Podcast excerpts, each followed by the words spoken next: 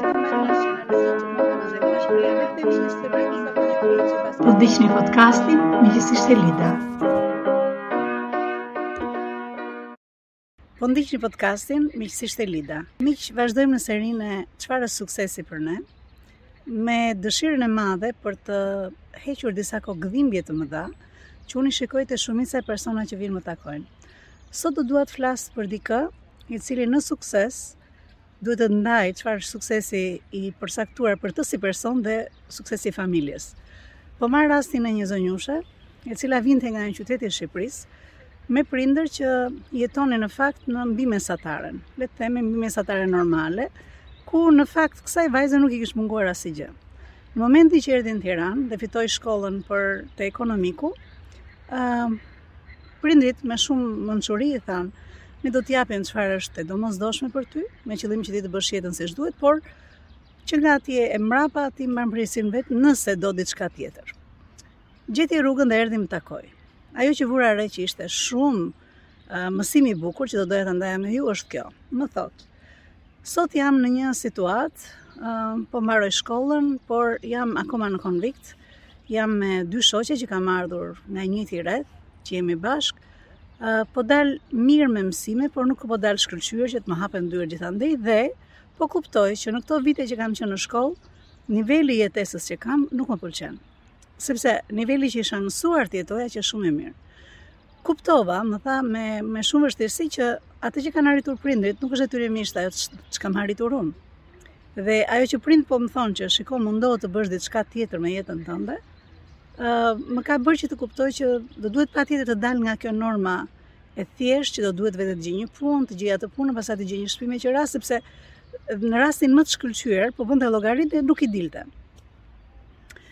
Hapi i parë, mik që Po më dëgjon është fillo të kërkosh ekspertizë, fillo të shikosh tek ata që kanë analizuar këtë gjë tënde. Ky qe hapi i parë që ka bërë kjo vajzë. Dhe jemi duke folur sot, është viti i 7 që ne takohemi herë pas here që flasim dhe ajo që unë vë re është rritja e saj në mënyrë të jashtëzakonshme. Ajo që ne përcaktuam është pikërisht kjo. Si e definon ti suksesin? Pra cilat janë vlerat e tua me çfarë je rritur që pa to nuk bën dot? Dhe këtu është një rregull përjashtimor që niset rreth nga gati 200 e ca vlera që janë universale, që njihen, dhe ti del në vlerat e tua pa të cilat nuk bën dot. Dhe për të thënë që këto vlera janë që të jetohen çdo ditë, pra në jetën tënde t'i kesh këto vlera, është sa shumë do të përpiqesh ti që t'i arrish këto. Duke marrë për bazë që shumica e të rinjve që unë takoj dhe të rinj flas mund të jenë deri në 40 vjeç, është që ndihen të paralizuar në jetë pse? Sepse masën e e e krahasimit e bëjnë me prindët e tyre, të cilët kanë jetuar të paktën një 30 vjeçar mbi ta. Pra janë përpjekur uh, gati 3 dekada të tëra për të arritur çfarë ata kanë. Por shpeshherë këta të rinj dhe të reja mendojnë që këto janë automatikisht që ju takojnë dhe atyre. E thënë kjo është si për ata që janë që fola thjesht në rastin e thjeshtë që kanë një nivel jetese në familjen e tyre, ose për ata të cilët rriten në një familje në të cilën pasuritë janë të shumta dhe këta të rinj mendojnë në mënyrë automatike që ata atyre ju takon gjithë privilegjet që vijnë me këtë pasuri kaq të madhe, të cilën këta prindër në fakt mund ta kenë krijuar me një vështirësi jashtëzakonisht të madhe dhe vazhdojnë ta mbajnë me vështirësi se nuk është e kollajtë. Hapi i parë tashmë që është kërko, kërko të bësh një planin tënd të zhvillimit tënd. Përcakto cili është plani yt, çfarë të kënaq ty, çfarë të mbush ty që mund të jetë totalisht e ndryshme nga ajo që ka mbushur apo ka ka kënaqur prindërit e tu. Dhe e treta është ulu dhe puno fort për këtë gjënë. Të thëna në formatin që unë mësoj që është ACTS, që është merr veprime masive në atë gjë që do të bësh, mbasi ta mirartikulosh, mbasi të bëhesh e aftë ta komunikosh siç duhet në botë, ta shpallësh siç duhet në botë, hapi kryesor është ulu dhe bëje këtë gjënë. Po ju them për këtë vajzën për ta mbyllur si si episod. Ë uh, isha jashtëzakonisht e kënaqur para dy ditësh kur e takova. dhe po shikonim në fakt se sa shumë është rritur qoftë ajo si person, po qoftë dhe njerëzit rreth rreth saj, rreth rrotull saj. Çfarë bëri në fakt ishte atje në ekonomik siç ishte, në konvikt, ato që ne filluam të bënim që në fillim është, filluam të thoshim, ok, shiko gjithë lëndët që ti bën, cila prej tyre është që këndon në ty, që ti e ke shumë qejf. Dhe fillo të japësh mësime falas, me miqtë dhe me shokët atje në, në konvikt, me ata që kanë ardhur nga viti i parë, me ata që ti shikon që përpiqen shumë, që they struggle a lot. Dhe duke bërë këtë gjënë, pak nga pak filloi të krijonte një rrjet njerëzish që po e shikonin si eksperte për një nga lëndët që ajo shpjegonte.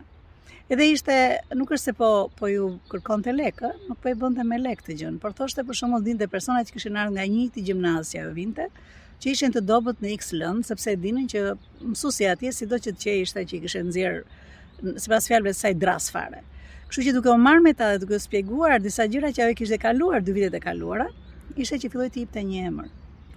Duke bërë këtë gjënë, ajo që unë pashë ishte që ishte një person që në qoftë se vendoste një gjë e bënte, pra ishte një person që merrte vendime veprime masive, Unë e prezantova në disa rrethe që kërkoheshin njerëz të tillë. Dhe ajo filloi të punonte full time për dikë dhe në mbasdite filloi të ofrohej vullnetarisht në ditët që kishte ishin rreth dy ditë në fillim në javë, pastaj ishte vetëm me shtuna, filloi të ofrohej në një organizatë ku ajo bënte të njëjtën gjë që donte të bëjë, dhe është e prerë për t'u bërë një kontabiliste shumë e mirë. Ajo që ka ndodhur sot miq, pas kaq vitesh është që unë shoh tek ajo një nga personat që është e shkëlqyer për sa i takon jo më kontabilizimit, por në lidhjet që ajo ka, shumica çfarë më thonë mua klientët që punojnë me të, më thonë që ajo është e mrekullueshme në menaxhimin e aseteve në përgjithësi. Nuk do të kishte ndodhur asnjë gjë nga këto nëse dikush nuk e vë përpara vetes dhe të thotë atë atë nivel jetese që kam pasur dua ta arrij dhe unë nuk e arrin askush këtë gjë në qoftë se mbasi e thotë këtë gjë nuk merr hapa konkrete dhe hapi i parë miq gjeni njerëz që janë të plotësuar, njerëz që atë ëndërr që ju doni të realizoni xha e kanë bërë dhe futuni dhe mësoni prej tyre, mësoni duke ofruar. Pra gjëja e parë që mendoj që duhet bërë është të dalësh aty jashtë dhe të të ofrosh atë që di të bësh më mirë, sepse në këtë mënyrë ti do të përpunosh shumë mirë mesazhin që ti do nxjerrësh më mbrapa. Mesazhi i cili më mbrapa mund të kthehet në një produkt, në një shërbim, ose jo, dhe ti mund të provosh prap. Miq, po jemi gjithmonë në serinë e suksesit. Dhe dua gjithmonë ta mirëpërcaktoj dhe të bëj pyetjen, cili është misioni që ti ke në jetë, misioni yt profesional? Duke dashur të të mendoj që kam ndihmuar dikë, të fillojë të mendojë seriozisht për suksesin personal të vetin dhe rrugës si të arrihet ai, po ju lë duke ju uruar gjithë bekimet e Perëndisë. Miqësisht, Elida.